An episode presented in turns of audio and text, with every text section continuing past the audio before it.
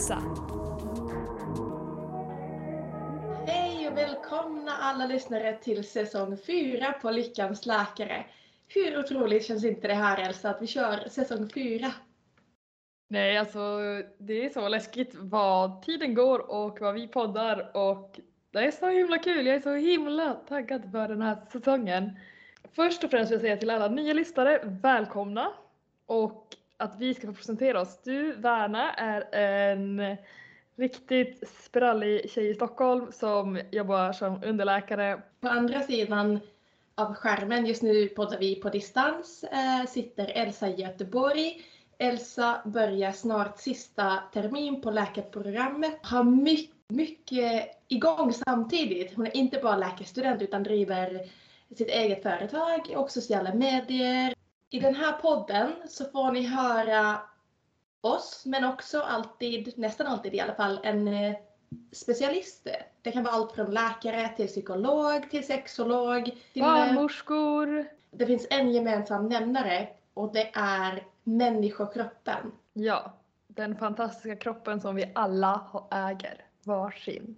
Vi syftar med den här podden att eh, dela information som oftast är väl, väldigt eh, nischat och eh, som kanske man inte kommer åt eh, i sin vanliga vardag. Men det är alltid en frågeställning som berör oss alla på ett eller annat sätt. Och I slutet så kommer vi alltid in på en lyckopiller och killer. Jag tänker att vardagssnack med både högt och lågt kan vi lova.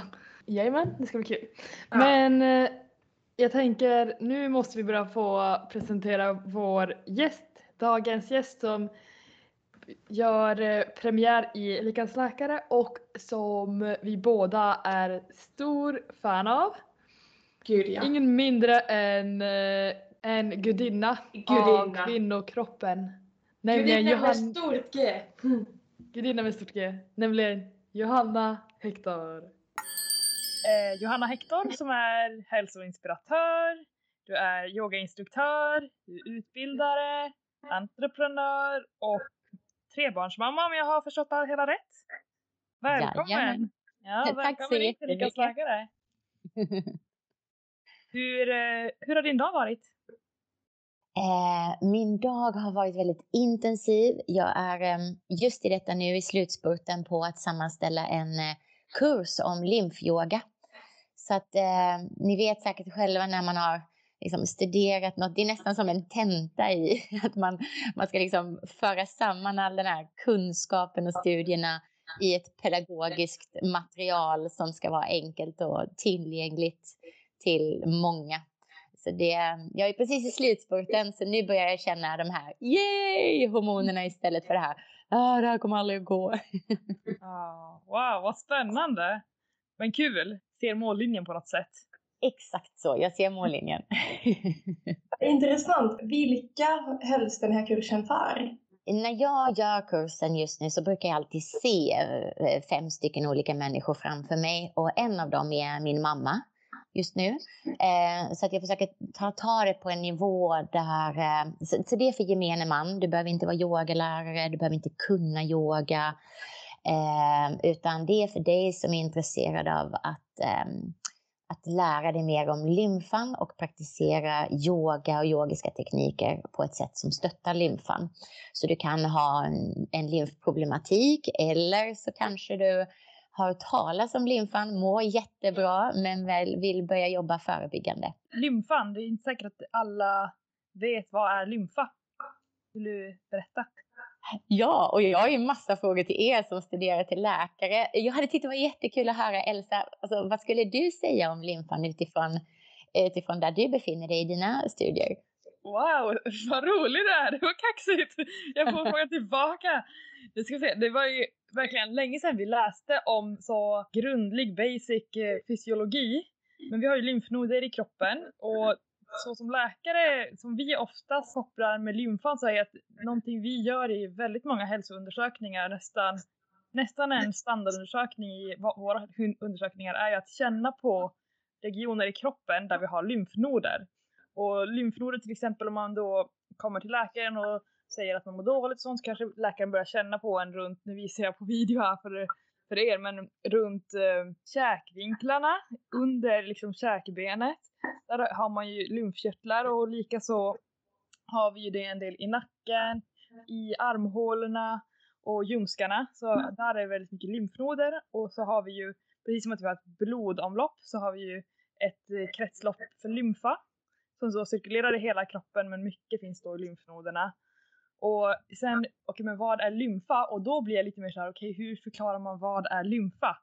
Det blir så väldigt eh, fysiologiskt. Det är det som är så spännande och, ja. och jag tycker att det är så kul att vara med i den här podden och få prata med er om detta. Mm. Därför att jag kommer, min bakgrund är ju inom den yogiska filosofin och den österländska synen på kroppen. Och det är ju hela tiden den här Alltså utmaningen är att hur kan vi förmedla en förståelse utan att det blir undervisning till mm. de som ska praktisera yoga så att man blir motiverad, man lär sig det viktigaste, mest grundläggande. Men jag behöver inte tala till dem som om jag var en läkare eller som att jag hade den kunskapen, för det har jag inte. Och det kan jag tänka mig är samma som när ni ska gå ut i ert jobb och prata med en patient. Då handlar det ju om att kunna prata ett språk som patienten förstår. Och eh, alltså det, det, det är otroligt fascinerande och det är det som jag har kokat ner i den här kursen. Men det som är intressant just är att som ni som läkare känner på de här lymfnoderna för att se om man är inflammerad eller svullen.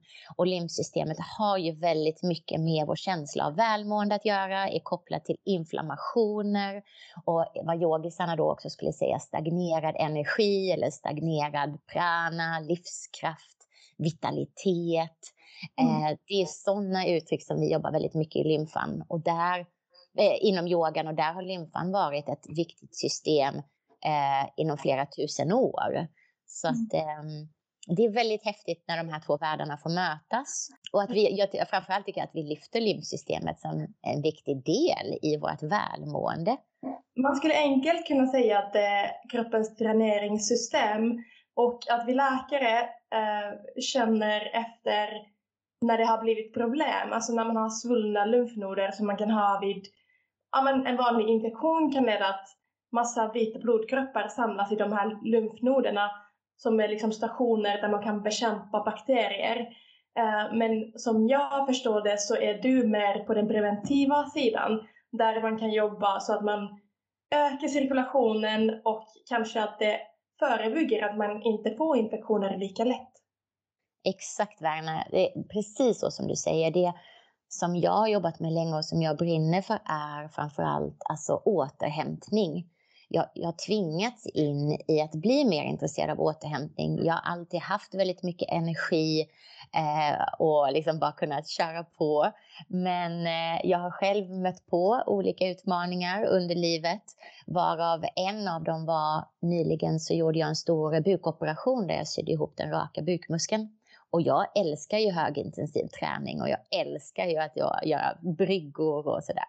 Och det var ju en rehab på ett år där jag inte kunde göra någon form av högintensiv träning.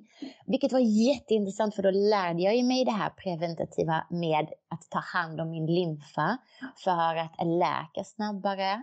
Och vad kan jag då göra för rörelse? Och det kan jag tycka men som, så som jag känner dig Elsa, som du också pratar så bra om och är en förebild inom att det är viktigt att röra på oss. Men ibland så kan träning också bli för mycket och skälpa oss och stressa oss mer. Så det handlar ju om att ha en lagom balans mellan vad jag brukar kalla workout, alltså där du pushar dig och stressar systemen, och en work-in, där du återhämtar. Och att work-in är ju inget passivt att work-in är ju inte att ligga i soffan och kolla på en serie och äta popcorn eller, mm. eller gå och shoppa på stan. Det är ju inte återhämtning, det är avkoppling och det behöver vi också.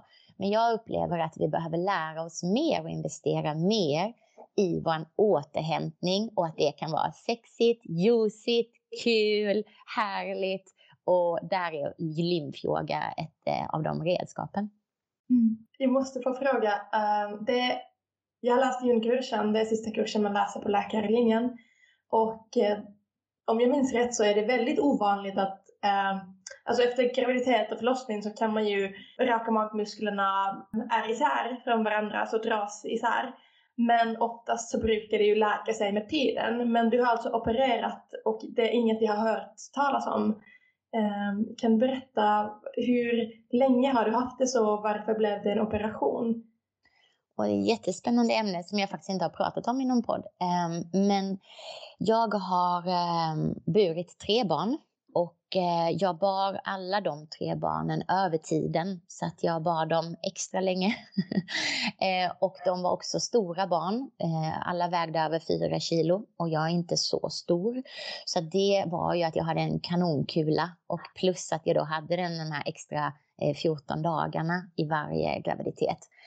Eh, det har bidragit till att min eh, linje alba, den här vita linjen som vi har, eh, det här fasciastråket i den raka bukmuskeln, tänjdes ut mer och mer under varje graviditet och sen tränade jag. Jag är jätteduktig på rehabträning, återhämtning efter graviditeten jag gjorde allt sånt och eh, efter den tredje eh, förlossningen nu, Soleil, hon föddes eh, 2020, så tränade jag, jag rehabade, men jag läckte fortfarande. Så när jag sprang, när jag hoppade och så, så kissade jag alltid på mig. Plus att jag började känna att eh, jag hade ett brock runt naveln så att jag kunde när jag satt och åt och så, så fick jag också väldigt ont därför att mina inälvor Eh, gick ut så att de rörde sig utanför eh, liksom buken precis i lagret av huden. Eh, så då kände jag så här, nej, alltså det här, det här ska inte vara så. Och då så träffade jag en fantastisk eh, kvinna eh, som är naprapat, tror jag hon är. Katarina Voxnerud i Stockholm som jobbar på en klinik som heter Hela kvinnan, tror jag. Och hon specialiserar sig på detta. Eh, och gjorde då med ultraljud så mätte jag delningen på mina magmuskler och då var jag långt över det rekommenderade, alltså det som man anser var okej. Okay. Eh, nu kommer inte jag ihåg siffrorna så jag ska inte säga något för då kan det bli fel, men jag var eh, 200 procent, alltså jag var långt förbi det som man ansåg eh, var liksom rimligt. Um, och så fick jag ett program av henne, tränade, gjorde de här övningarna. För ibland kan det också vara att man övertränar eller inte jobbar med bäckenbotten och så vidare. Så vi gjorde alla tester. Och det var så coolt att göra det med ultraljud. Så ni vet, alltså jag fick göra, stå upp och göra övningar. Och så hade hon ultraljud så vi kunde se hur mina olika magmuskler samarbetade, vilka som inte jobbade och så vidare. Det är så och häftigt. Det är så, jag älskar när man använder teknik så. Och då, alltså jag började böla där tjejer. För wow. att Alltså jag har ju jobbat så hårt på min rehab och jag har jobbat så hårt på min core-träning. Och ni vet hur man gör, ni kan säkert relatera. Jag har hela tiden tänkt så här, nej men jag kämpar inte tillräckligt, jag är inte tillräckligt dedikerad, jag tränar inte rätt, det är mig det är fel på. Och så mm. kommer man då till en kvinna som Katarina som bara säger så här, vet du vad? Jag ser att dina muskler, de samarbetar perfekt. Du har en så funktionerande core. Du överkompenserar, du jobbar så här. Det, det, är där, det är de här anledningarna varför du har ont, varför det inte funkar, varför du läcker. Och det finns ingenting mer som du kan göra i din träning som kommer hjälpa detta. Utan den enda vägen om du vill ha en hållbar kropp, när du kommer in i klimakteriet, när du är 70 och vill kunna bära dina barnbarn, då är det att sy ihop magmusklerna. Och det är ett jättestort val för mig, det är en jättestor operation, var långt ifrån självklart. Men då tog jag det beslutet av att jag vill inte bara klara mig, jag vill, mm. jag vill leva mitt bästa liv. Och eh, då gjorde jag den operationen och det var lång, lång, lång, lång rehab och jag tyckte det var skitläskigt. Och då gick de in och sydde ihop min raka bukmuskel från pubisbenet hela vägen upp till eh, sternum. Var det plastikkirurgen som sydde ihop dem då eller vad, vad var det för specialist? Nej, man kan ju gå till olika, så jag hade ju kunnat få det av landstinget, landstinget eller något sånt heter det. Alltså att jag hade kunnat liksom ställa regionen mig i den. heter det numera. Ja, region, ja det har du bättre koll på. Mm. Så jag hade kunnat ställa mig i den, i den kön och göra det. Men eh, då valde jag, jag fann en specialist och eh, som inte var plastikkirurg utan han är en av Nordens ledande läkare i att göra just den här eh, operationen och han är är fokuserad på funktion i magmusklerna och det var jätte, jätteviktigt för mig. För jag gjorde ju inte det för att jag ville att det bara skulle bli snyggt. Men jag ville inte heller att det bara skulle bli funktionellt. Jag ville ha kakan och äta den. Jag ville så här, jag ville att det skulle bli skitsnyggt, jag ville ha det minsta ärret möjligt och jag ville ha superfunktionella magmuskler. Best of both worlds. Exakt. Wow, men vad häftigt. Och alltså, jag tycker det är väldigt fint att du kan dela det och jag tror att det är många som kan bli väldigt inspirerade. Jag tycker framför allt någonting som jag tror att jag och Anna har pratat om det tidigare i podden, men att det här med att kunskapen är så viktig i det här med att ta ansvar för sitt eget liv, att om du inte, du hade likväl kunnat bara nöja dig med att nej men nu är, nu har jag varit gravid och nu, nu är mitt liv dömt till att vara så här, jag får ont när jag äter och jag är missnöjd med att jag inte kan träna längre och jag får väl leva på och acceptera det här och förmodligen klaga resten av livet på att du saknar att träna som du gjorde förr och sånt, men att du istället verkligen söker reda på, på personer som är duktiga på det och hela den biten. Det är, det är lätt att man bara nöjer sig, men att, att ta det ansvaret för sig själv, för det är så det är en så stor del av ditt liv med träning och rörelse och jag vet att det, alltså det påverkar livskvaliteten så mycket. Mm. Och där kan man undra hur många kvinnor det är som inte är lika duktiga på att söka självvård och lösningar. För att, um, det kan vara ganska jobbigt och man kanske inte vet vem man ska vända sig till. Att, ja, jag, jag tycker det vore så bra om man hade mer information och att man hade uppföljningar efter förlossningen. Jag vet att man har ju en kontroll men den, är ganska snabbt efter förlossningen.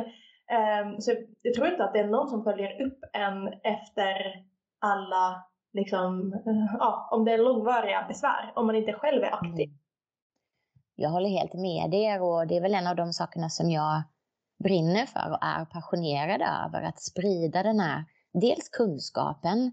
Eh, vi har ju i Soulwork Club som är ett community för kvinnor. Där är det ju ett program som man kan jobba med under hela graviditeten och varav ett program är fokus på den fjärde trimestern. Alltså de tre månaderna efter förlossningen som många inte alls fokusera på. Man får inget stöd i hur man ska träna, vad man ska känna efter, vad man ska undvika och så vidare. Och i den så delar jag min resa och jag delar de här olika alternativen och vad man ska känna in efter. Och, så det kräver ju både tålamod det kräver nyfikenhet. Det kräver att man är villig att göra en investering och sen krävs det, precis som ni båda tar upp, så extremt mycket mod. Speciellt vi som kvinnor, det är så lätt att bli dömd. Antingen så är man för utseendefixerad och gör det därför, eller så, alltså ditten och datten. Och, och det tror jag kommer väldigt mycket ifrån vår egen hjärna. Och sen så eh, trycker samhället på men vi, tror, vi kan ju bara tro att de har rätt om vi själva har tänkt och släppt in det giftet i oss själva någon gång. Och det är där jag tycker det är så otroligt viktigt med meditation, mental träning. Alltså att stärka alla de delarna av oss själva så att vi vågar idag säga, vet du vad? Jag vill inte bara ha ett okej okay liv. Jag vill ha ett strålande glasglas. Jag är hungrig på livet. Jag vill mjölka det här livet. Och det är inget skamfullt. Mm. Och det är det som jag kallar för soul surfing, att fråga sig själv, men vad vill jag? Det är så lätt att dra med samhällets hets om vad man borde vilja eller vad man inte får. Eller, och så lever man ett liv som är någon annans. Så att, mm, hur känner ni kring det, ni som är där? Unga, strålande kvinnor. Om vi kan klicka med det. Att, eh, jag upplever att efter att man har fått barn så det är ofta väldigt mycket fokus i barnet, vilket är såklart bra. Men att det kanske är lite tabulagt att man, om man har fött ett friskt barn, ska få fokusera på sig själv och känna sorg att ens kropp har förändrats för att man ska bara vara så glad för att man har blivit mamma. Men det är ju en kris i sig också, även om det är något positivt och eh, är planerat. Så man ska ändå få liksom sörja över sin kropp och vilja ha det som det har varit förut.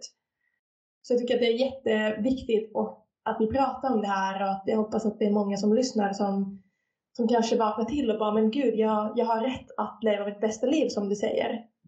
Verkligen, jag håller med. Och just det här att våga ta för sig. Alltså det är så rätt att säga, nej men inte ska väl jag och nej men alltså man, man drar sig tillbaka eller man måste alltid lägga någon annan i första hand men att också precis det här som man ofta säger att man måste må bra själv innan man kan hjälpa andra att må bra. Att, men det är verkligen grunden och det kan jag bara relatera till själv att jag har själv haft perioder jag har mått psykiskt dåligt och då har jag inte varit bra för andra heller. Man har inte den alltså, energin i sig att hjälpa andra om man själv inte finner ro. ro. Att det är verkligen bara, det är bara att vinna, att våga ta för sig och våga, våga leva sin dröm och leva det liv man vill leva. Verkligen. Det är Mm. väldigt inspirerande.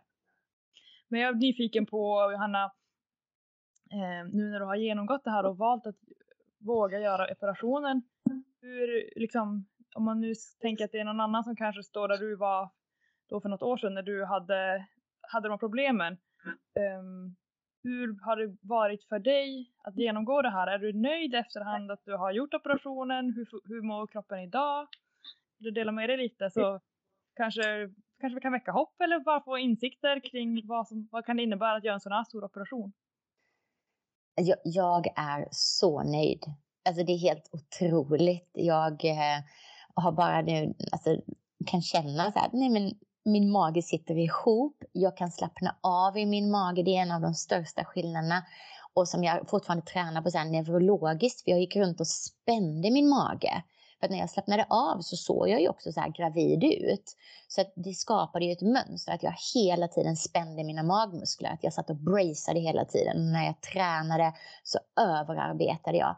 Och det hade ju konsekvenser för min andning. Att jag kunde ju inte få det här djupa med rörelsen i diafragman när jag andades. För att jag hela tiden hade en sån anspänning i min mage. För att dels jag var rädd att jag skulle skada ryggen, att jag skulle kissa på mig eh, när jag nös och så vidare. Och också ur ett så här estetiskt perspektiv. Att det var snyggare att ha en platt mage.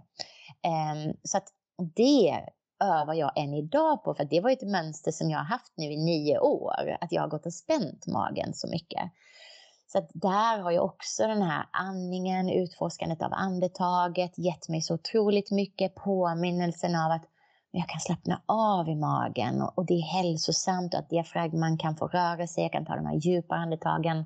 Så att jag känner att jag har en mycket mer hållbar energi. Jag är mycket starkare. Jag kan lätt springa 6 kilometer nu, kissar inte på mig. Eh, jag kan nysa, jag kan dansa och leka med barnen.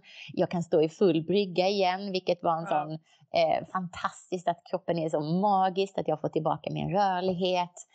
Ehm, så jag, skulle, jag är så glad och tacksam över att jag gjorde det. Det känns så bra på många plan. Och ehm, jag passade på att ta ett sabbatsår. Det var så skönt för mig. Många andra sa så här, men gud, hur ska du, du kommer bli så stressad, du kommer inte kunna träna på ett år och du kommer bli galen. Och, medan jag mer kände så här, nej, alltså vet du vad, jag ska passa på och bara ta hand om den här gulliga, älskade lilla kroppen och ge tillbaka till den och ha marginaler. Och det, det har varit så otroligt givande att ta det lite lugnare rent fysiskt i ett år och att fokusera på återhämtning. Jag tycker att nästan, så är det oftast när vi får utmaningar i livet att det finns någon, någon djup lärdom där. Så att jag är så så nöjd. Men jag skulle säga till alla som funderar på det. Ett är börja göra dedikerad och smart träning om du inte redan gör det. Alltså det är verkligen steget. Jag skulle göra allt för att undvika operationen om det gick. Eh, och sen nummer två, gå och gör en ultraljudsundersökning på så att du verkligen får svart på vitt hur dina magmuskler ser ut, vad som fungerar, få ett professionellt utlåtande eh, och sen ta det därifrån. Så var metodisk. Mm. Gud, jag blev nästan berörd för att, för att din inställning mot utmaningar är så fantastisk. Alltså, wow, jag tror inte att det är många som kan tänka lika positivt som du. Jag har inte, eller ja, jag ska försöka ta det med mig från den här inspelningen, men det är verkligen något du ska ha, vårda, att du har en sån fin inställning. Tack. Jag tänker, jag tänker verkligen samma och sen jag vet att alla vi tre delar en sak gemensamt, att vi har väldigt mycket driv och mycket energi och att vi gillar att få utlopp av det i form av att röra på sig. Och jag blir också så, alltså att just se det som den möjligheten som att nej men nu ska jag ta ett sabbatsår i form av att jag ska ta det lugnare med kroppen.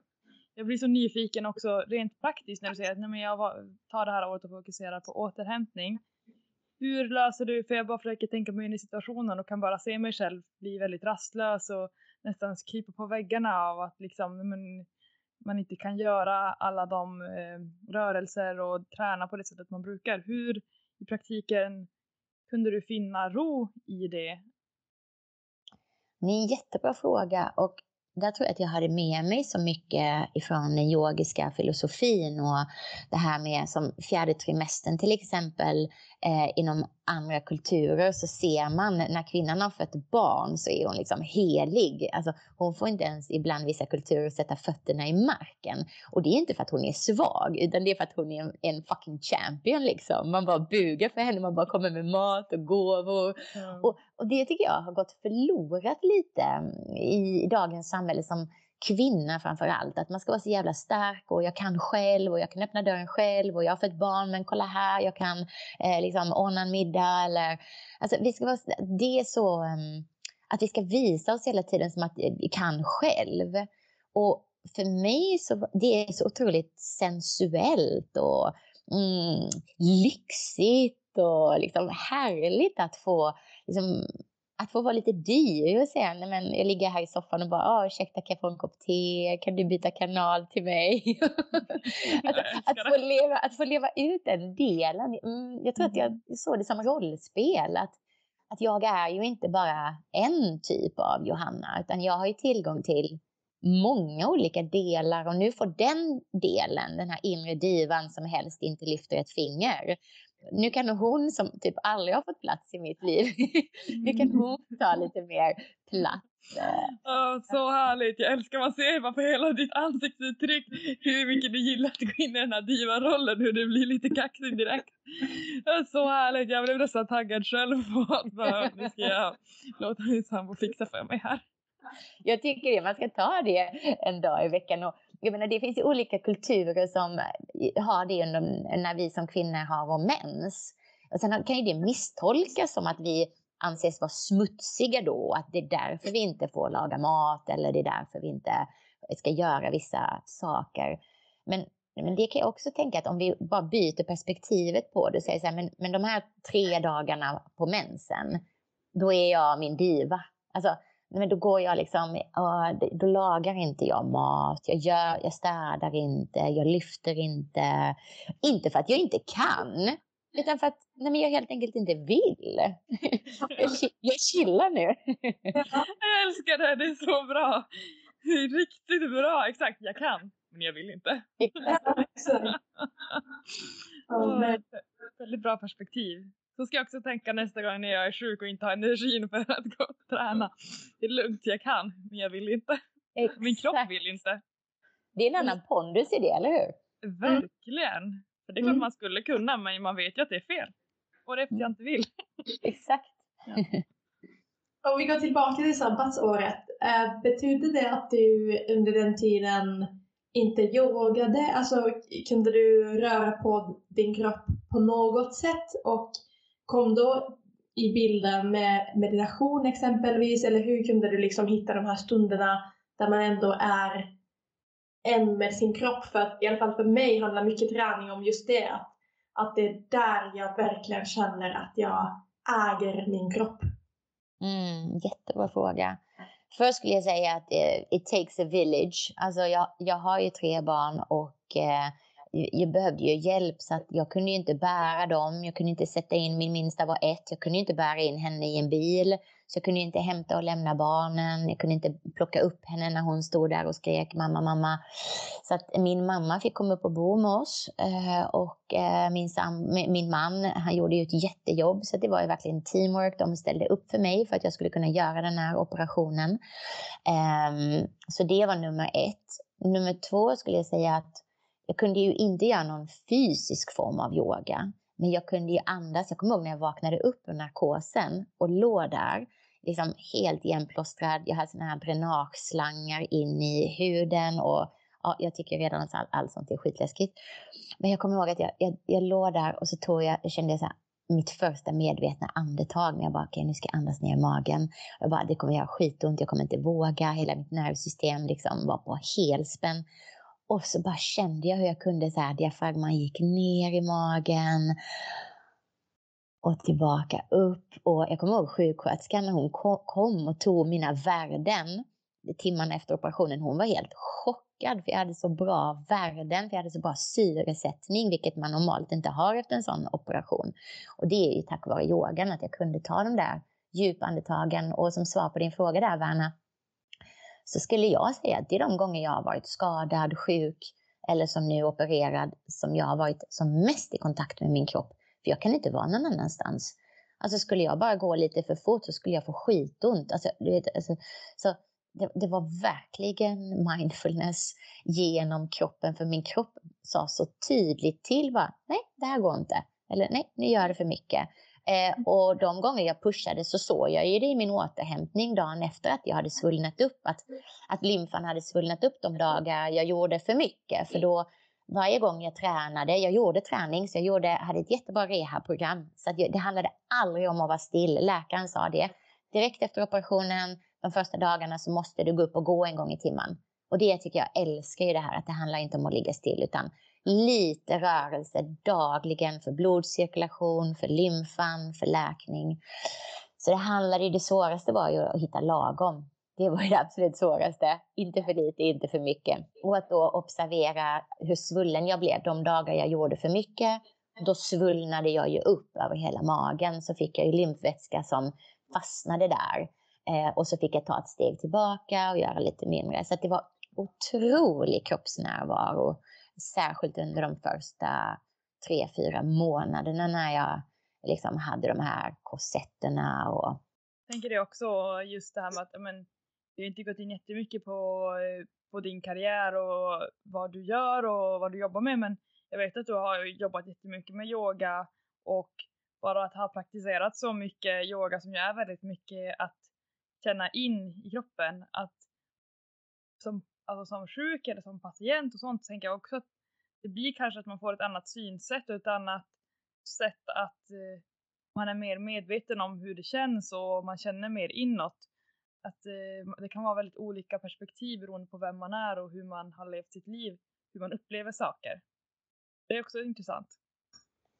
Jag tycker eh, det här smärta är väldigt intressant, precis som du säger där, att vi har ju alla en personlig relation till smärta. Och det är säkert kanske någonting som ni också pratar om i, i er utbildning där, att vissa patienter kommer ju vara väldigt rädda för smärta och, och reagera med mer spänning med, medan som vi kan behålla ett lugn i nervsystemet och vi kan behålla andetaget så kan vi se att smärta är inte alltid negativt utan vi behöver ju en viss nivå av smärta. Men, men sen är det den här tipppunkten var det blir när smärtan blir så här, nej men nu blir det för mycket och då borde smärtan vara en signal till att backa. Och det kan vi ju bara veta när vi är närvarande. Verkligen. Alltså jag säger det nu eh, på mitt jobb att eh, jag, jag, kan ha liksom samtidigt två patienter som har exakt samma kotkompressioner i ryggen som hos ena patienten gör jätteont och vi försöker hitta massa olika liksom, metoder och läkemedel och underlätta smärtan så att hon kan komma upp ur sängen och liksom gå för att uh, man måste kunna mobilisera för att eh, det ska bli bättre och att man inte ska få andra typer av problem. Och sen den andra patienten liksom behöver knappt Alvedon och säger bara, går med sin rollator och bara ja det gör lite ont men det är inget som dödar mig utan det är bara att andas ut genom smärtan och försöka gå ändå. Och där tror jag också att var man är i sitt liv och vilken typ av psyke man har påverkar så extremt mycket. Oh ja. Det finns så mycket att prata om gällande hur det mentala i kropp, alltså i huvudet kan styra det vi känner i kroppen. Mm. Och det är det jag tycker är väldigt fascinerande och känns som att du är så duktig på Johanna. Mm. Men på tal om det, jag vill gå in på en annan grej som också är kroppen och känna in och koppla huvud och eh, våra andra delar av kroppen. Jag är så nyfiken på, jag vet ditt intresse för, om man kan säga så, ditt intresse för klitoris. Absolut, sjukt ja. intressant ju. Ja, visst. Och det är inte så många som man kan säga så här, nej men jag har hört att du har ett intresse för klitoris. De flesta skulle nog bara, ursäkta mig? Va? Ja, verkligen. Alltså det, det precis som eh, jag tror att du tycker så är det ju en fantastisk del av kroppen. Men jag vill gärna höra hur, alltså jag är nyfiken på hur kom du in på att så här, nej men jag ska lära mig mer om klitoris?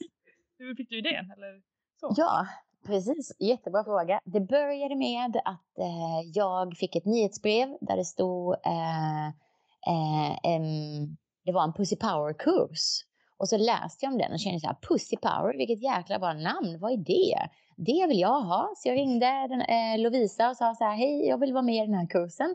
Eh, hon bara, men den börjar imorgon så då får du hoppa in. Så vi var sex kvinnor som gick eh, den här onlinekursen och detta var 2016. Jag hade precis fått barn. Eh, barnet var eh, så sex månader. Jag var så långt från sexualitet man kunde komma. Jag var helt slut. Jag sov inte på nätterna. Eh, alltså om min man bara försökte röra vid mig så jag bara, du, eh, not interested. och, eh, och jag kände så här, äh, jag hade, jag hade försökt det, det mesta. Jag var ganska nära att vara utbränd. Jag drev egna företag. Det var mitt andra barn. Det var liksom väldigt, väldigt mycket. Och eh, då rullade jag in i den här kursen och en övning vet jag var att vi skulle sitta, det var online då, men då skulle vi sitta, klä av oss eh, trosorna och så skulle vi ha en liten spegel och så skulle vi eh, titta på våran juvel som eh, vi kallar det, eller pussy eller fittan eller vad, vad man vill välja för ord. Och så skulle vi måla av den så att vi hade liksom, man skulle ha en spegel, pennor, papper och eh, det här. Och det var övningen. Och jag tänkte så här, jag tänkte så här, men jag har fött två barn, det kommer vara köttslamsor där nere. Fy fan, jag har aldrig kollat på den. Usch! Så att jag bara, okej, okay, men jag går den här kursen, jag har betalt för det, så jag, jag måste göra det. och jag kommer ihåg tjejer, alltså jag kommer ihåg, jag satte mig där, jag, jag var beredd på att det kommer vara liksom eh, Scarface här nere. Och så bara ser jag och jag bara, men! Och vad fan, hon är skitsnygg! Oh alltså, woo!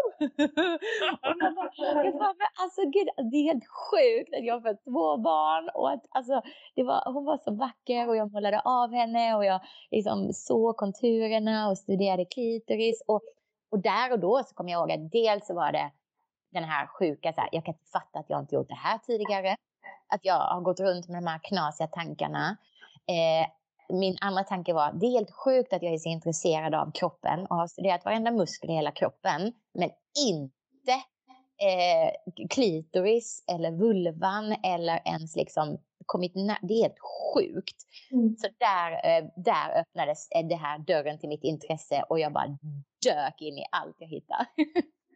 Alltså wow, jag älskar, jag älskar hela den här historien och jag bara fick en sån här tanke direkt så jag känner det är egentligen så konstigt om vi tänker på hur mycket vi inspekterar våra kroppar och typ ja, men man kollar kanske så här magen dagligen och bara ah, hur ser magen ut idag och bara åh nu.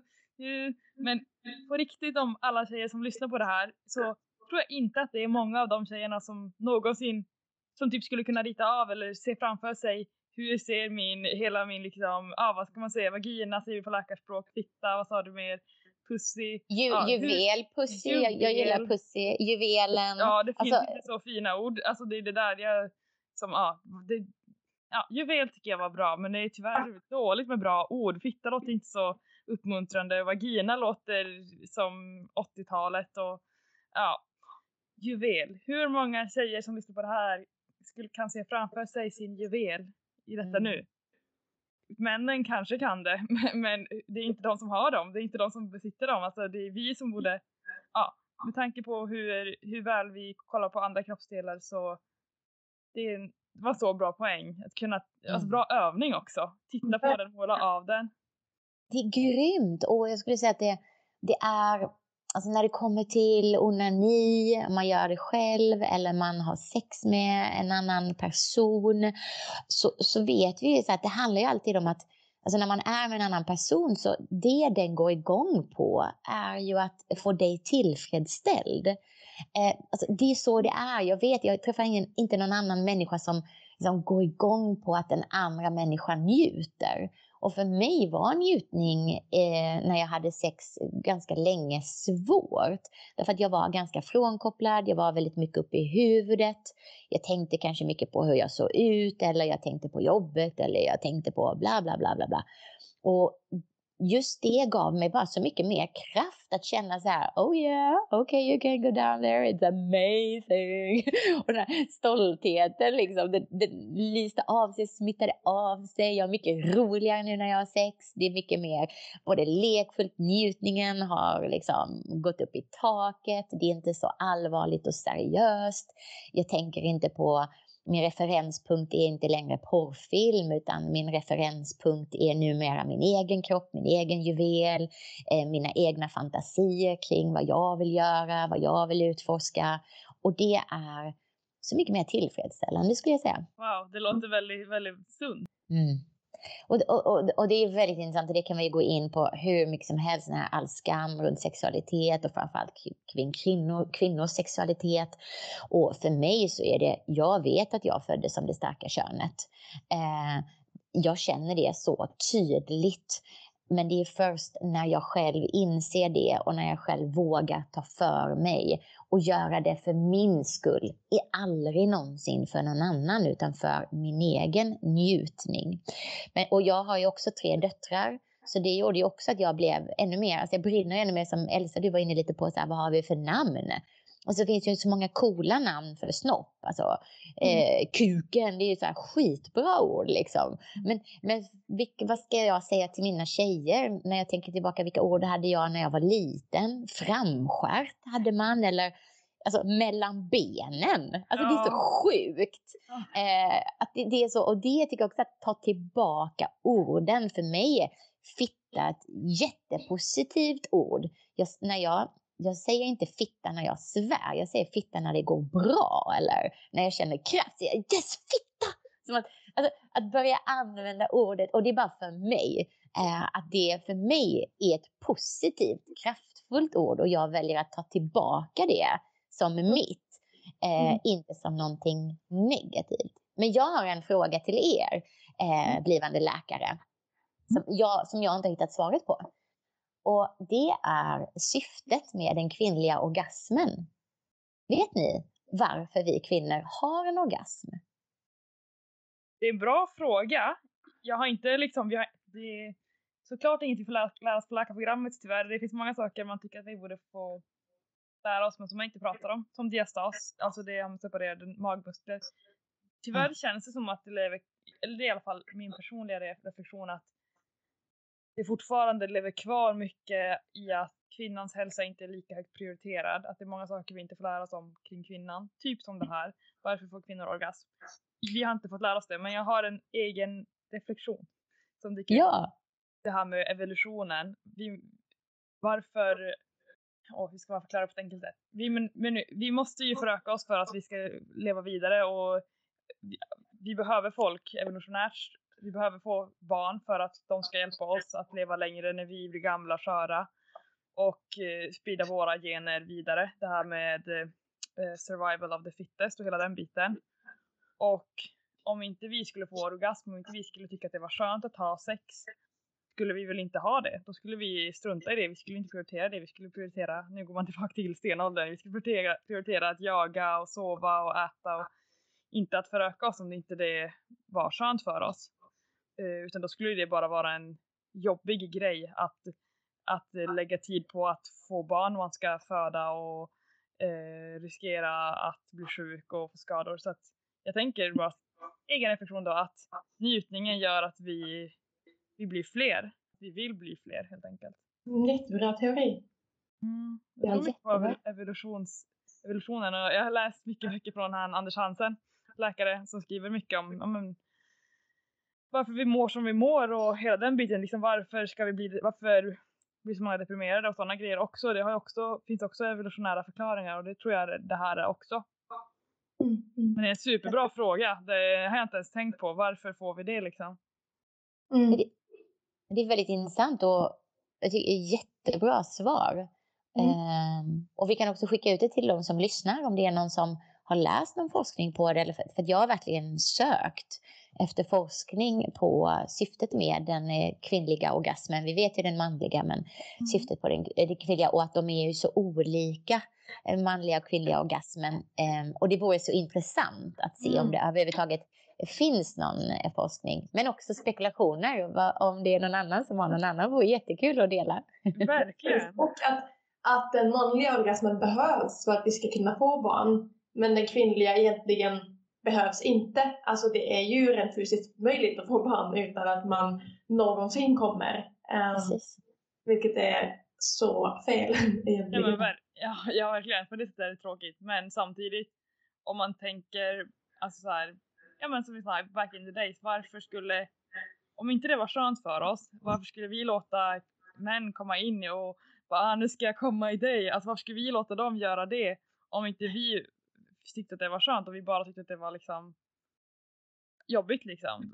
Mm. Och, och tungt att bli gravid och det är ju inte det lättaste man kan göra, alltså, bära ett barn i nio månader så att Men, och på, Någon- tal om, på tal om det, att komma som kvinna, så lyssnade jag på ett jättebra TED-talk eh, där man pratar om unga kvinnor och sexualitet i dagens samhälle. Detta var i USA. Där det tyvärr börjar bli så himla vanligt att unga kvinnor alltså, eh, suger av killar och, för att slippa ligga. Och då eh, att en avsugning är liksom lite nä- nästan som en kram. Att men det är ju ingen big deal. Och det tragiska i det är ju att man frånsäger sin egen njutning och att männens njutning står så i fokus att, att kvinnor, att de här unga flickorna känner att om det ska vara en bra dejt så ska han ha kommit. Men att hennes egen njutning är så otroligt bortprioriterad. Så Mm. det är ju i sig så sorgligt. Men vad hon pratade om var så väldigt intressant. Det var det här att vi borde omdefiniera hur man blir av med oskulden. Ehm, för hon pratade med ett, eh, en lesbisk tjej. Och så frågade hon den här tjejen hur hon visste att hon hade blivit av med oskulden. Och då sa den här lesbiska tjejen bara att I don't know, I should google it.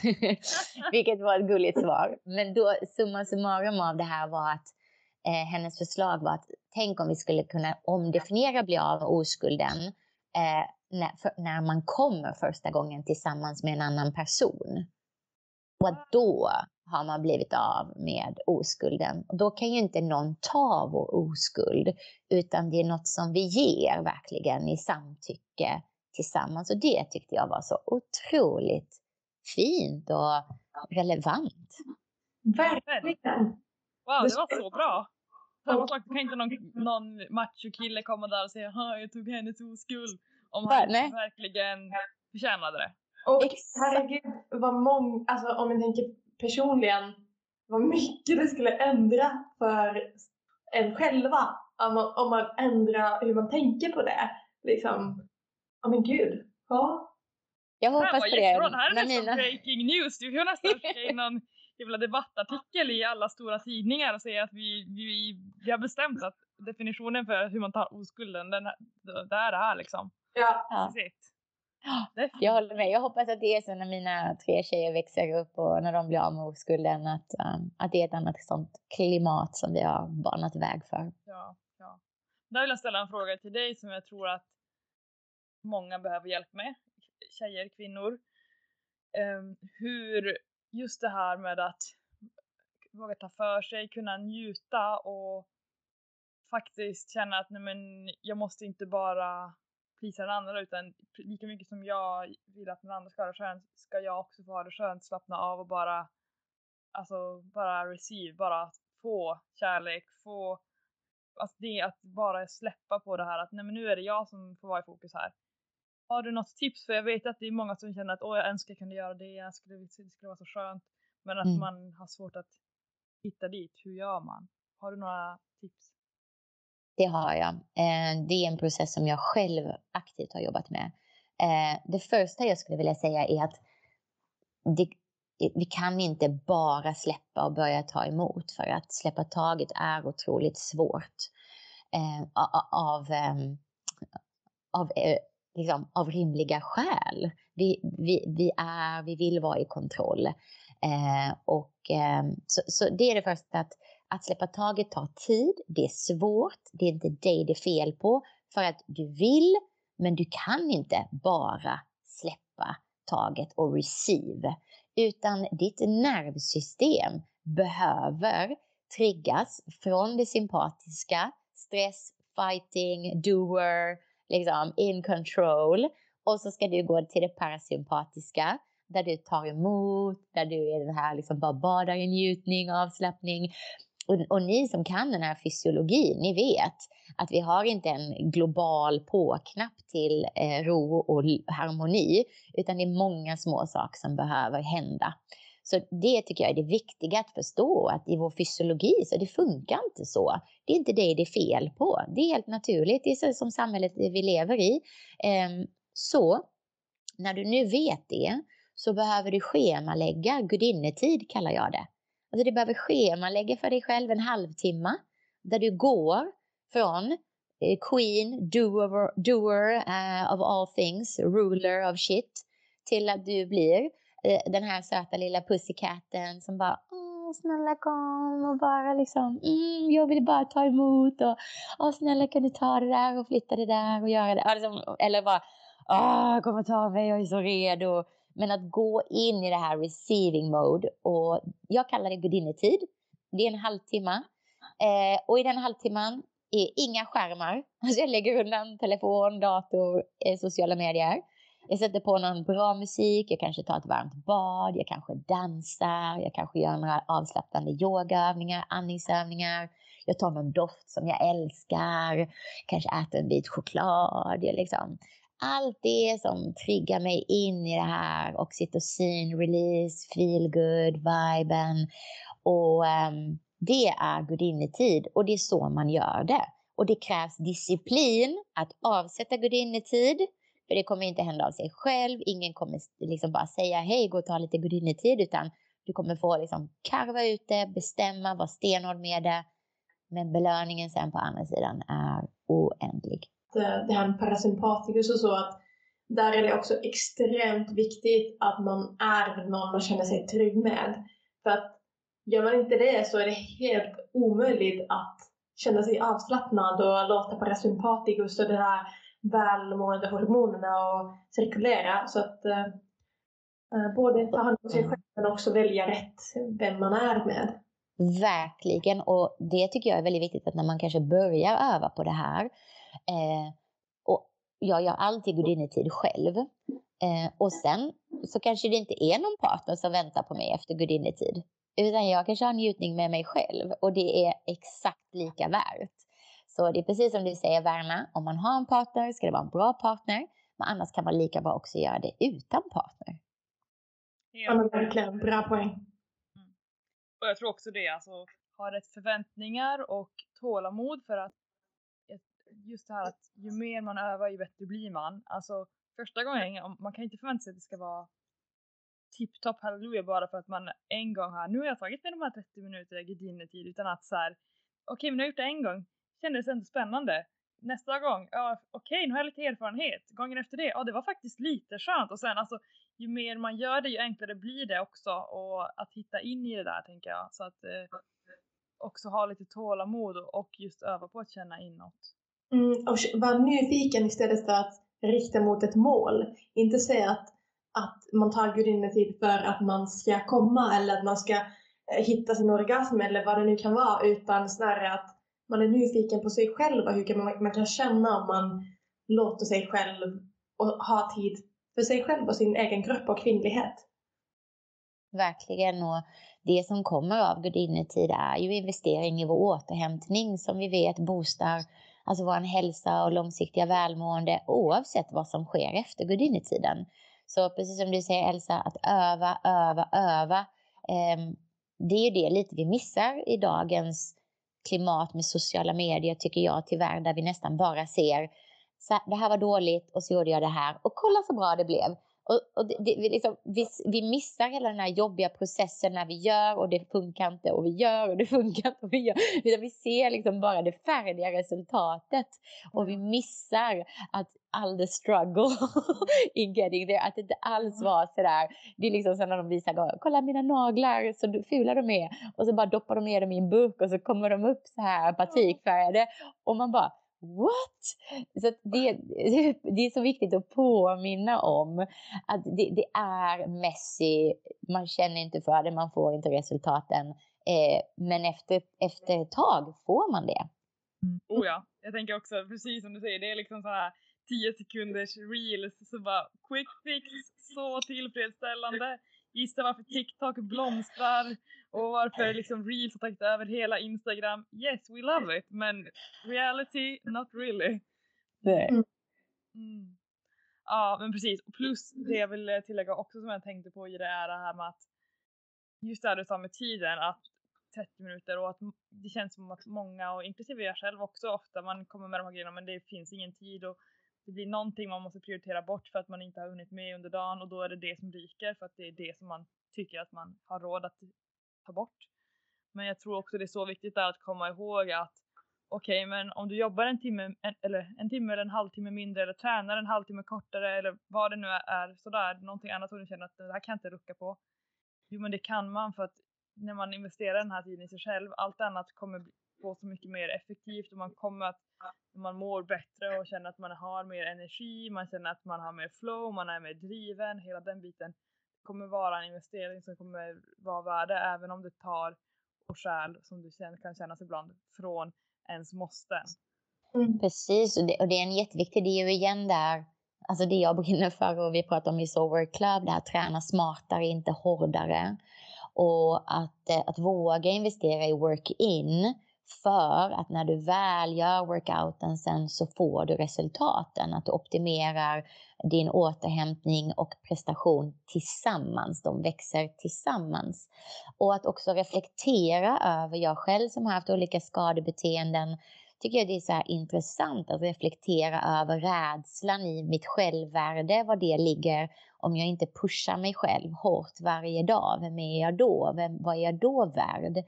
Att, eh, alltså att stanna upp och reflektera kring de tankarna och den inre monologen som vi har och vara ärlig, inte vara dömande utan bara säga ja, nu är jag inne i det här högpresterande igen, okej, okay. hur brukar jag må av det, hur, alltså, mm, och vara nyfiken och vara ärlig, eh, för vi är ju inte våra prestationer och det långsiktiga målet, vad är det? Vi får inte ta med oss något när vi dör, det här är ingen generalrepetition. Eh, så att investera i det som ger dig den djupa tillfredsställelsen. Eh, ja, det är sådana saker som jag bör, liksom, tycker är intressant att reflektera kring och vill bjuda in lyssnarna också att, att reflektera kring. Jag håller verkligen med. Jag älskar konceptet work in och work out. Jag tycker det är så bra och kan bara tala för egen erfarenhet att jag har också varit en som presterar mycket och liksom eh, måste pusha sig till max varje gång och hela den biten. Men när man sen väl provar att så här, man kanske dra ner på, kval på kvantiteten men känner att man får mer kvalitet och att man istället kan få tid till att jobba med återhämtning och sådana saker och känna att men shit, jag blir faktiskt starkare, jag blir gladare, jag blir piggare, eh, jag får bättre resultat för att jag inte konstant är slut. Alltså det är sådana saker som man önskar att fler kunde få uppleva tidigare och jag önskar att jag själv kunde få uppleva det tidigare men learning by doing. Mm. Vägen är målet. Man måste våga testa olika saker. Jag vill gå in på lyssnarfrågor nu för vi har fått in några spännande här under dagen. Och ja. Du har ju fans kan man lugnt säga. Här är det någon som skrivit coolaste kvinnan. Strategier för att hantera yttre omständigheter, oroligheter såsom krig, politik, elpriser och så vidare. Just eftersom många mår dåligt kring det i dagsläget. Tack, bra fråga. Min strategi är att jag ser på nyheterna en gång om dagen och inte hela tiden. Vi matas ju med det här konstanta. Så eh, stäng av bruset, se på nyheterna en gång, bestäm vad liksom dedikerad med din eh, tid på nätet. Och eh, för mig så brukar jag få mest ångest av det om jag ser det på kvällen. Eh, jag vet inte om ni kan relatera till det, men det brukar vara liksom så triggar det igång den här kvällen är för mig oftast liksom mer ångestladdad tid på dygnet. Så som känn in det, så jag väljer då att se nyheterna lite tidigare på dagen och inte klockan tio precis innan jag ska gå och lägga mig, för då har jag liksom triggat igång den här ångesten. Så att begränsa det och ha inte dåligt samvete för att du inte är konstant uppdaterad. Det är en illusion att vi ska vara det i dagens samhälle.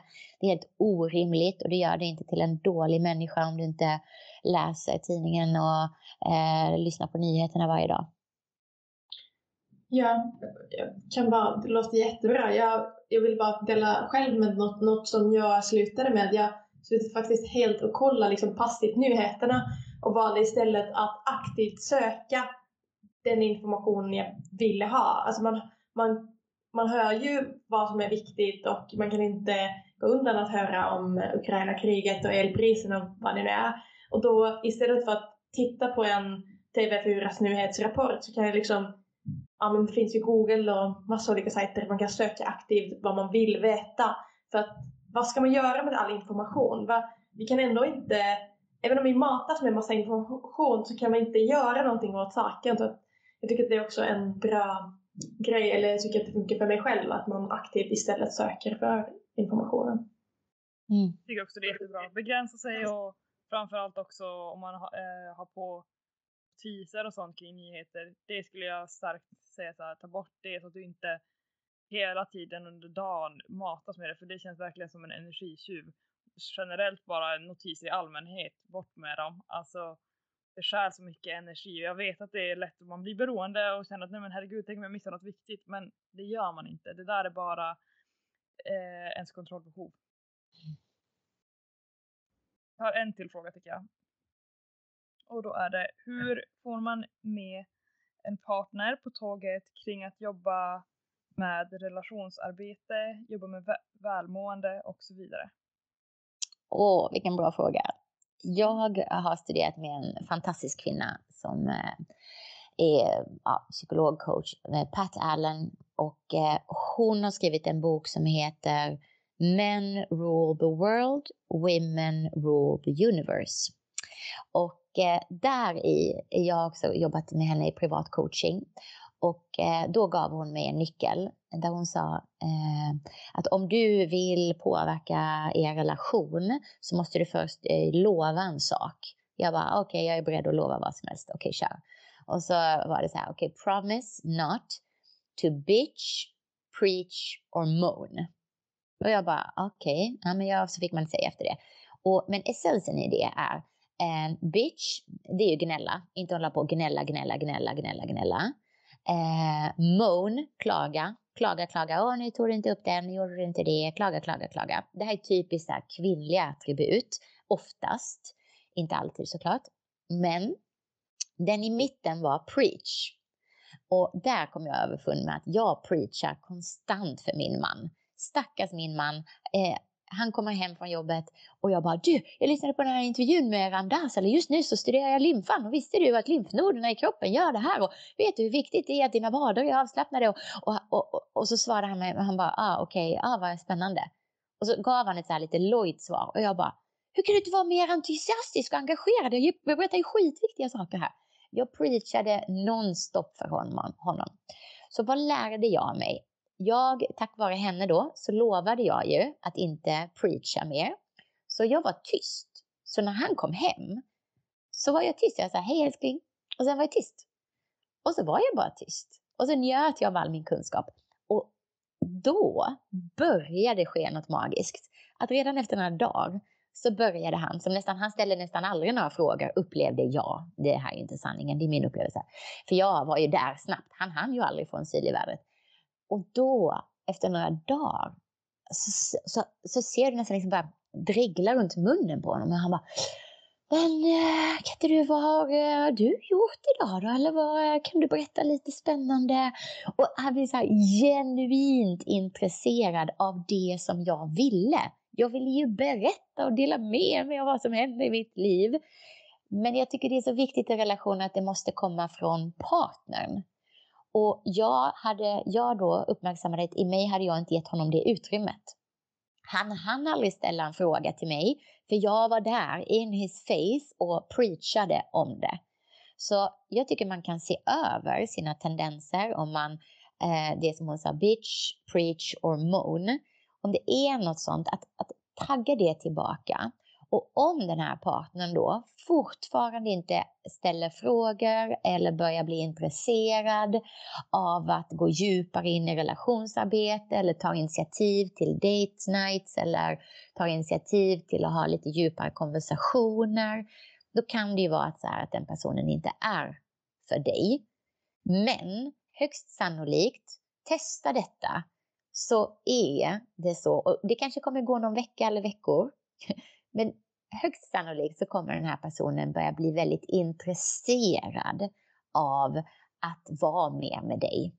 Och det är ju det som är hela essensen i relationsarbete. Eh, och det ja, men jag tycker det är så viktigt att man får vara lite mystisk, att man får vara lite återhållsam. Och speciellt om man, om man känner att men jag är den personen i relationen som vill jobba och den andra personen är inte det. Då är det redan en, en snedfördelning i relationen och den kommer i sig göra att den här personen som upplever det är alltid jag som jobbar på vår relation, du gör aldrig det. Eh, det kommer bara dra dem mer och mer isär ju mer den här personen tjatar kanske då på att jobba och den här andra personen drar sig mer och mer undan från det. Så det är, eh, har funkat väldigt bra för mig och jag ser det när jag coachar att det funkar ganska bra för andra och sen får man ju jobba, läsa in sina personliga detaljer i det och så. Jag vet ju inte exakt deras eh, bakgrund. Men eh, det är kul att testa. Det är alltid kul med sådana här eh, liksom, konkreta verktyg där ändå var liksom, eh, sorry, bitch, preach, moan. Ja. Väldigt kul och sen kan jag tänka mig bara att man eh, om man skulle liksom gå in på djupet på det att beroende på vem man är så är man säkert tillhör man säkert mycket starkare på någon del av det här. Och du sa att du var mycket preach och jag kan känna igen mig också i det att man man har så här, åh, det, man har så mycket driv och mycket energi och man vill berätta allting och visste du det här och du, du, du, du, du, du. kan du, vad tycker du om det här? Och jag har den här idén, ska vi köra, vad tror du, vilket tror du blir bäst, det här eller det här? Liksom och så bara klart som tusan att partnern blir less och man så här kommer hem varje dag och bara ja då kör vi jobb nummer två här efter en lång arbetsdag ska vi höra om ett helt, ett helt till dags äventyr. Ja, nej men eh, väldigt bra grej. Det blir bara mycket roligare när det får komma och att man respekterar sin partner. Att den partnern kanske inte är där, där du är i din entusiasm eller vilja. Eh, och att man ibland behöver det utrymmet att, att få landa och mötas. Eh, och då kanske den partnern i, i, börjar då istället fråga och ta för sig mer. Få chansen att visa framfötterna. Ja, ja, 100 procent. Jättebra. Och hitta ett sätt att relations, just det här med relationsarbete, att hitta ett sätt där båda är nyfikna så det inte blir så här, nej men jag tycker att vi måste göra det här och vara så specifikt utan så här, men eh, Eh, liksom vad är partnern nyfiken på? Vad skulle, alltså så här, vad tycker den skulle kunna förbättras i relationen och sådana saker också. Att verkligen mötas och det handlar ju mycket om det du pratar om också. Och, och den, den sista delen i det är att att vad jag då gjorde var att jag började jobba jättemycket på mig själv och höll det för mig själv. Så jag började ju stråla mer än någonsin. Jag hade ju roligare mer än någonsin. Och då blev det ju också naturligt för min partner att men, men vad håller du på med för Jag vill också vara med. Och vad, vad är det som händer? Vad är det? Att, det, att, alltså att, man skapar lite den, inte FOMO, men att man skapar den här känslan av att partnern missar något och att den partnern verkligen vill vara med. Och då kan man säga så här, ja, men jag kan berätta, vi kan väl, eh, ja, klockan nio ikväll i soffan så eh, kan du ställa, kan du ställa frågor så kan jag berätta. en, en sak jag vill flika in med det du sa nu är att jag tror personligen också att för att kunna arbeta på en relation så måste båda individerna vara villiga att arbeta med sig själv och liksom ha en pågående in, utveckling hos sig själv för att kunna sen också jobba tillsammans. Absolut. Okej, okay, wow. Men eh, vi har pratat om massa spännande saker. Jag tycker det, det jag visste det skulle bli ett bra avsnitt och det, ja, man skulle kunna prata hur länge som helst. Men eh, jag är så glad att du har varit här och gästat oss och vi har en fråga kvar till dig som vi ställer till alla våra gäster. Verna, vill du ta den? Ja, det är vad är din bästa hälsotips? Oj! Ja, det kan vara vad som helst. Vi har okay. olika genom åren. Då skulle jag säga att investera i en orgasm om dagen. Uh, det är bra, det är bra. Super och uh, mm, verkligen, det kan alla ta åt sig och har man svårt att få det så är det bara att börja öva. Exakt, man får öva, precis som allt i livet. Mm. Är det, är det något specifikt med just att det ska vara just en eller får det vara också flera? Värna din lilla buse, det går bra med fler. det går bra med fler, men ibland... Ett eller två. ta så många du vill och då blir man överlycklig. Jobbet, jobbet ringer och bara ursäkta, var är du? Men det är det som är det, det, är det, som är det underbara med orgasmer. Jag kan själv relatera till det att när jag kommer ur det, när jag kommer ur min sexualitet, då, då, då, då hamnar jag uppe i huvudet, jag blir liksom väldigt så här, målriktad. Då glömmer jag hur skönt det är att onanera eller ha sex. Så då känner jag så här, nej den där har jag inte tid med. Nej, det här nu ska jag prestera. Du, du, du. Och sen när jag väl kommer in i det och har orgasm som en daglig vana, eh, då kan jag också bli så här, och jag och min partner ibland, vi, vi säger så här, nej men alltså, jag kan inte fatta att vi gör något annat. Det är, så det är verkligen en sån eh, färskvara man behöver. Oh ja, ja, verkligen. Men det är samma sak som typ om man kommer ur men, träningsrutinen och inte har tränat. Man bara herregud, alltså när man väl har hittat in i flowet igen, Ja. man bara alltså vad, vad höll jag på med? Exakt. Exakt som allt annat eh, som är värt att eh, föra in i sitt liv.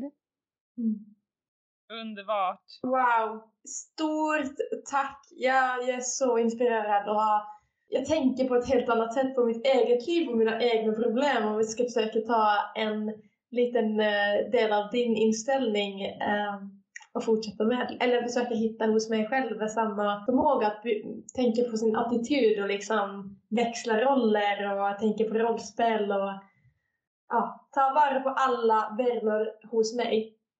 Ja, vad härligt. Ja, det finns så mycket där. Åh, det, nej, det är jättefint. Jag, ja, jag tycker det är så fint att få följa dig och få ha dig här i podden och bara, du har så mycket fint, eh, så mycket fantastisk kunskap. Tack. En ära att få bubbla med er två. Ni är otroligt inspirerande. Jag älskar det ni gör tjejer och eh, de här konversationerna ni har. Jag tycker de är så viktiga, intressanta, givande. Då så. Okej, wow. Det här är så himla kul och shit vad vi pratar på med Johanna. Jag kan ju säga att eh, till lyssnarna så märkte ni kanske att det här bröts lite mitt i allt och det är för att vi hann, alltså, eller vårt samtal med Johanna blev längre än väntat. Längre än vad någon av oss hade bokat in i kalendern för att vi kunde inte sluta prata och tiden rann iväg.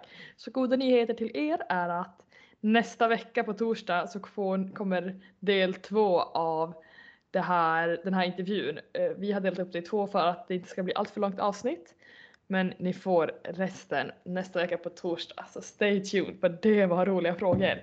Till exempel så ställer Johanna frågor till oss om eh, den kvinnliga orgasmen. Så Och vi kommer in på just orgasmen och eh, Pussy Power på nästa veckas avsnitt så att eh, ni vill inte missa det. Men eh, kort Elsa, vad tar du med dig från dagens avsnitt?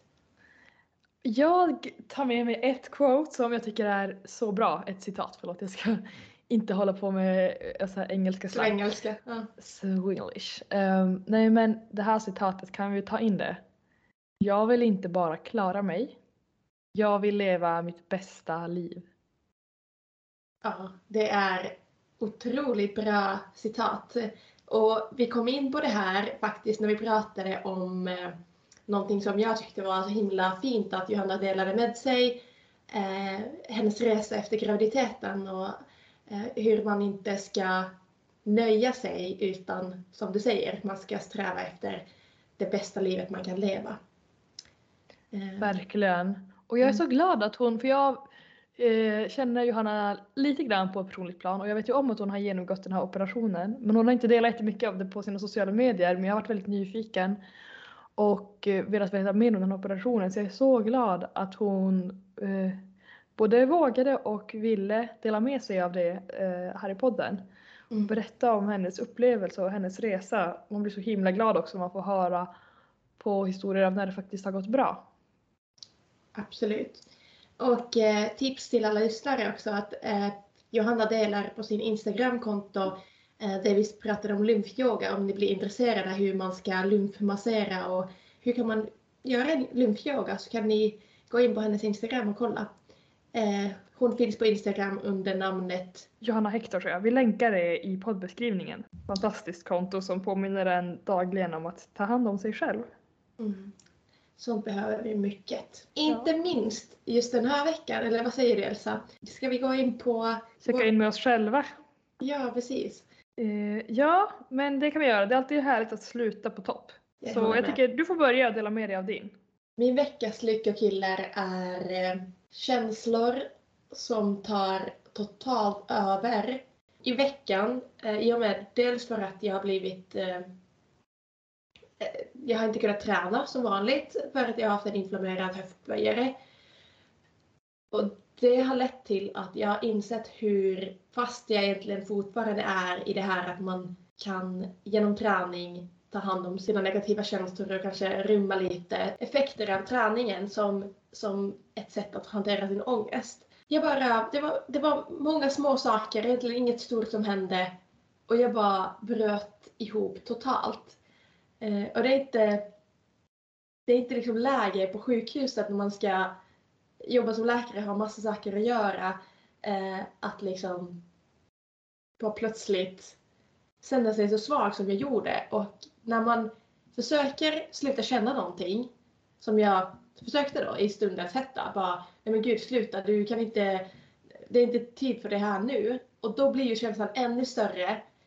Och det bara liksom växte och växte och till slut så, jag bröst ut, jag grät jättemycket. Jag hade svårt att liksom hämta andan och det var nästan som en panikattackliknande känsla. Där jag liksom kände att jag hade noll kontroll över min kropp. Sen sprang jag ut i kalla luften, det är snö. Och först där jag kände liksom kallt luft så kunde jag börja liksom hitta min andetag. Och sen ringde jag lite nära och kära och hittade till mig själv igen. Ehm, Ja, jag har så mycket jag vill säga. Först och främst vill jag typ krama dig för jag tycker du är så fin och stark som kan dela med dig. Och sen vill jag också säga en sak att vet du vad bra du är som ändå kan, de- alltså, så kan dela det här med andra och visa att man är inte mer än människa. För att Mm. jag kan själv bara sätta mig in i situationer då jag har känt ångest väldigt starkt på sjukhus och man känner bara åh det passar inte nu, det passar inte nu, jag skärpte Elsa. Och sen efteråt kan jag liksom komma hem och även idag gå omkring och grubbla på tänk om det kommer en dag då jag får panikångest på sjukhuset. Och hur ska, hur ska folk ta mig som läkare om jag får panikångest och när det är jag som ska hjälpa andra och jag är den som behöver hjälp. Och hela den grejen. Men alltså vi, ingen av oss är ju mer än människa och vissa av oss har genetiskt mer också eh, tendens till psykisk ohälsa och mer tendens till ångest och det handlar inte om att vi är svaga eller någonting men det är bara så som det är. Och det är inget fel på det och det, det är liksom så rätt att du ändå ska kunna få vara där och ta hand om dig trots att du är på jobbet. Det betyder inte att du inte kan få vara, känna dina känslor och man ska behöva stänga av allt. För så Nej. funkar inte livet. Nej men precis.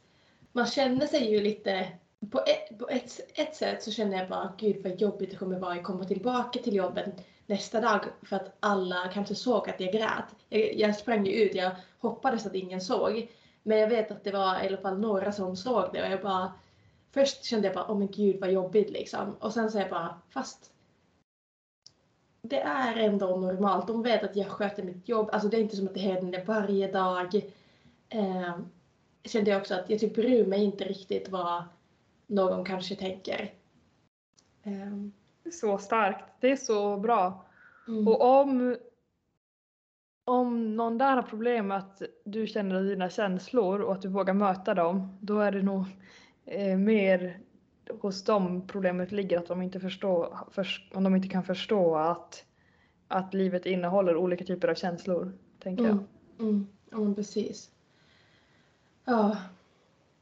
Hur känns det nu när du har fått liksom dela med dig av det här? Nej, men lite dubbeltankar. Jag tänker delvis bara oj, tänk om nu någon kollega lyssnar och bara visste inte om det här och nu får veta om det. Kommer de behandla mig annorlunda på jobbet för att de tänker att jag är skör eller någonting? Um, delvis tänker jag också på eh, att och tänk om, om någon som skulle intervjua mig på AT skulle lyssna på det här. Eh, skulle det kunna eventuellt påverka? Nu har jag ju fått min AT-plats men alltså du vet, jag tänker Ja. mycket. Det är väldigt protect, alltså ja men det är sant. Det där är ju fällan som i många faller i, eh, även jag själv, vad, man bryr sig för mycket om vad andra ska tycka och tänka. Oroar sig för mycket. Men jag tror bara att det stärker dig och stärker dem runt omkring. Alltså, och jag tänker också att ju mer ärlig man vågar vara, ju mer kommer man också kunna dras och mötas med de som har samma värderingar. Jag menar både du och jag tycker att det är rätt att vara öppen, det är rätt att få känna alla känslor. Man ska få visa sig sårbar och kunna få bli behandlad bra ändå och på ett sätt så är det bara bra om arbetsgivare som inte tolererar det, om de då väljer att inte anställa en för då betyder det ändå att man inte har samma värderingar i slutändan. Mm. Jag menar jag tror varken du eller jag vill jobba på en arbetsplats där man inte får ta en paus när man verkligen behöver det. Mm. Men det stämmer. Ja, alltså långsiktigt måste man ju jobba någonstans där man är välkommen som man är. Det är ja. jätteviktigt. Oh, berätta, vad eh, har betyngat dig den här veckan? Ja, det är också en enskild händelse. För mig är det Restless Legs Syndrome. Och för er som inte vet vad det är så är det ett tillstånd som eh, en del drabbas av och jag är en av dem. Jag har haft problem med det tidigare i livet och sen har jag inte haft problem på flera månader och nu härom kvällen så fick jag det igen när jag skulle sova och det är liksom att det är en väldigt jobbig känsla. Det är verkligen tänker fysisk ångest i kroppen, framförallt i benen. Det känns som att liksom myror kryper omkring och det är som att man bara måste röra på sig hela tiden och man kan, man kan inte vara still. Det är, stundvis kan det vara liksom att fötterna skakar eller att hela låren bara kramp, nästan krampar och så. Och det blir såklart jättesvårt att somna när det kommer och det blir väldigt ångestframkallande också. Det var en stor lyckokille för mig. Inte så mycket för att, alltså visst jag blev vaken några timmar på natten eller på kvällen och kunde inte somna i tid. Mer det som är jobbigast tycker jag är att det skapar en känsla av oro och man, lite som du beskriver också, man funderar på varför händer det här, vad är det för fel och det har också, kommer också ofta när jag också känner ångest och sådana saker så det känns liksom som att några signalsubstanser i kroppen, serotonin, dopamin, vad det kan vara, inte riktigt står rätt till, att jag liksom hoppade lite ur balans. Idag känner jag mig lite mer stabil men det är ändå en jobbig känsla när man känner att kroppen är ur balans. Um, har du kunnat tänka dig, du har ju varit sjuk i veckan, är det något annat som har Ja, nej men absolut. Alltså jag, dels var jag ju sjuk dagarna innan så jag tränade inte heller och jag var väldigt mycket mer stilla än jag brukar. Så det påverkar ju såklart alla olika endorfiner och substanser i kroppen. Så det var en sak och sen så har jag ganska mycket utmaningar som kommer framåt nu med tävlingar och föreläsningar och olika saker.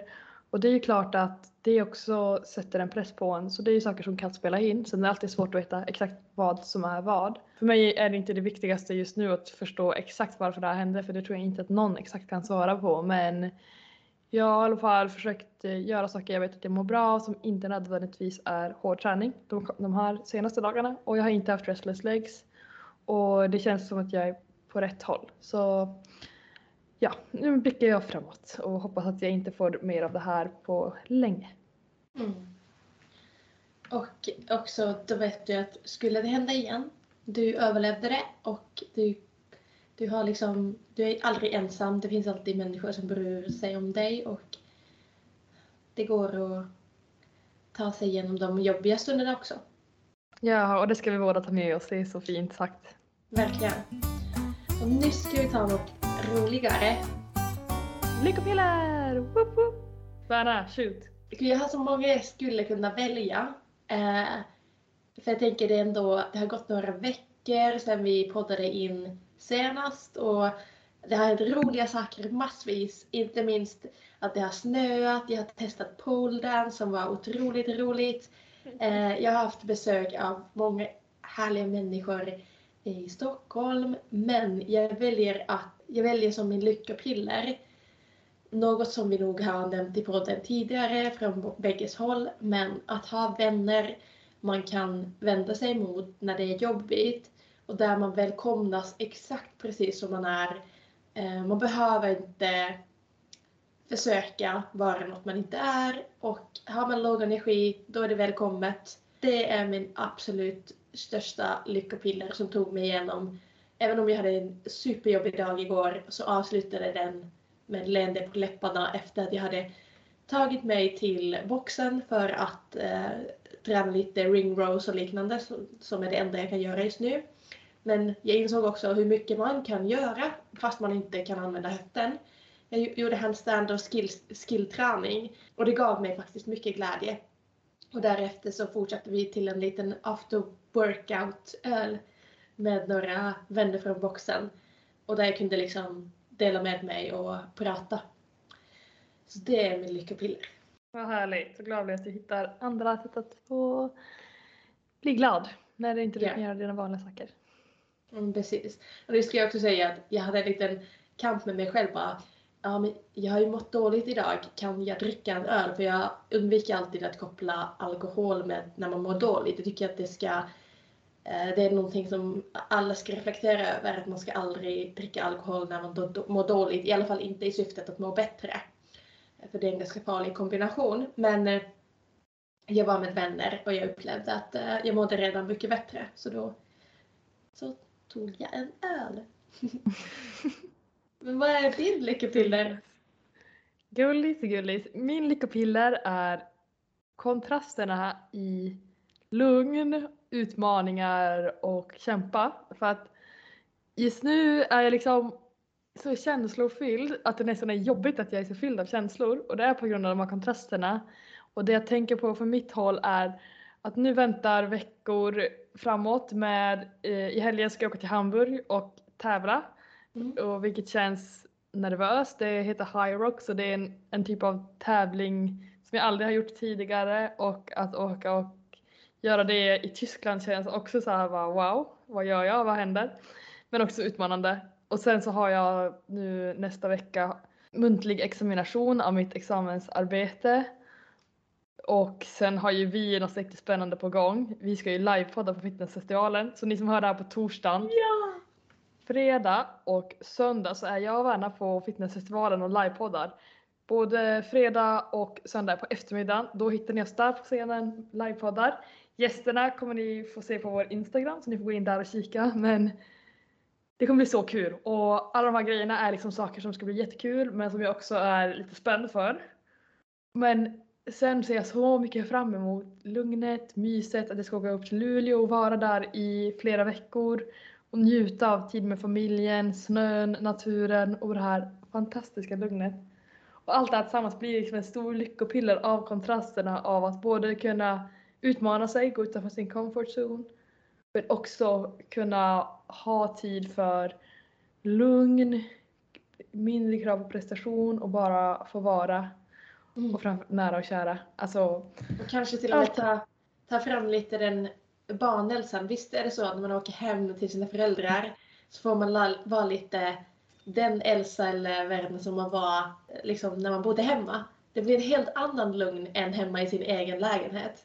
Verkligen. Och man får liksom också man får mycket mer känsla av med familjeliv, lugn och det blir så starkt kopplat till dåtiden och det är så fint att komma hem och få känna det igen. Ja, Mm. det, mm.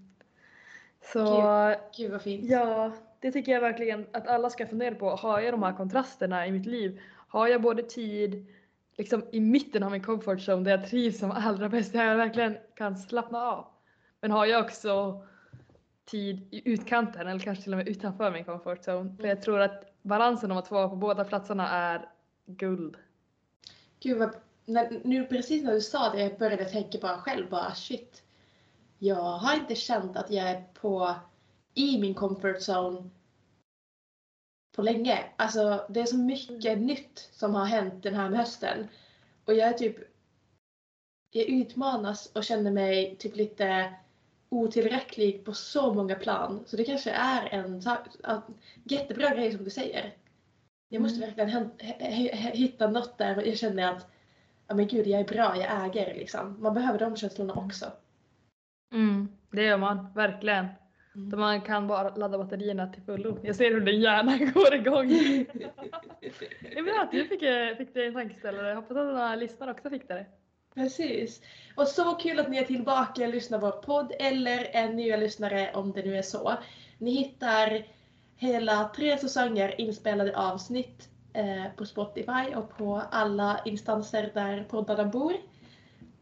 Och glöm Ja. inte att ni ska gå in och kika på Johanna Hektors Instagramkonto och följa oss på Instagram att lyckasläkare och Elsa Hassler samt Verna Madeleine. Det var många, många ni ska gå och följa med nu. Ja, men ni kommer inte bli besvikna, vi lovar. Och hörni, hoppas, hoppas, hoppas vi ses i helgen på fitnessfestivalen. Vi är där fredag och söndag, vi livepoddar och vi kramas mer än gärna.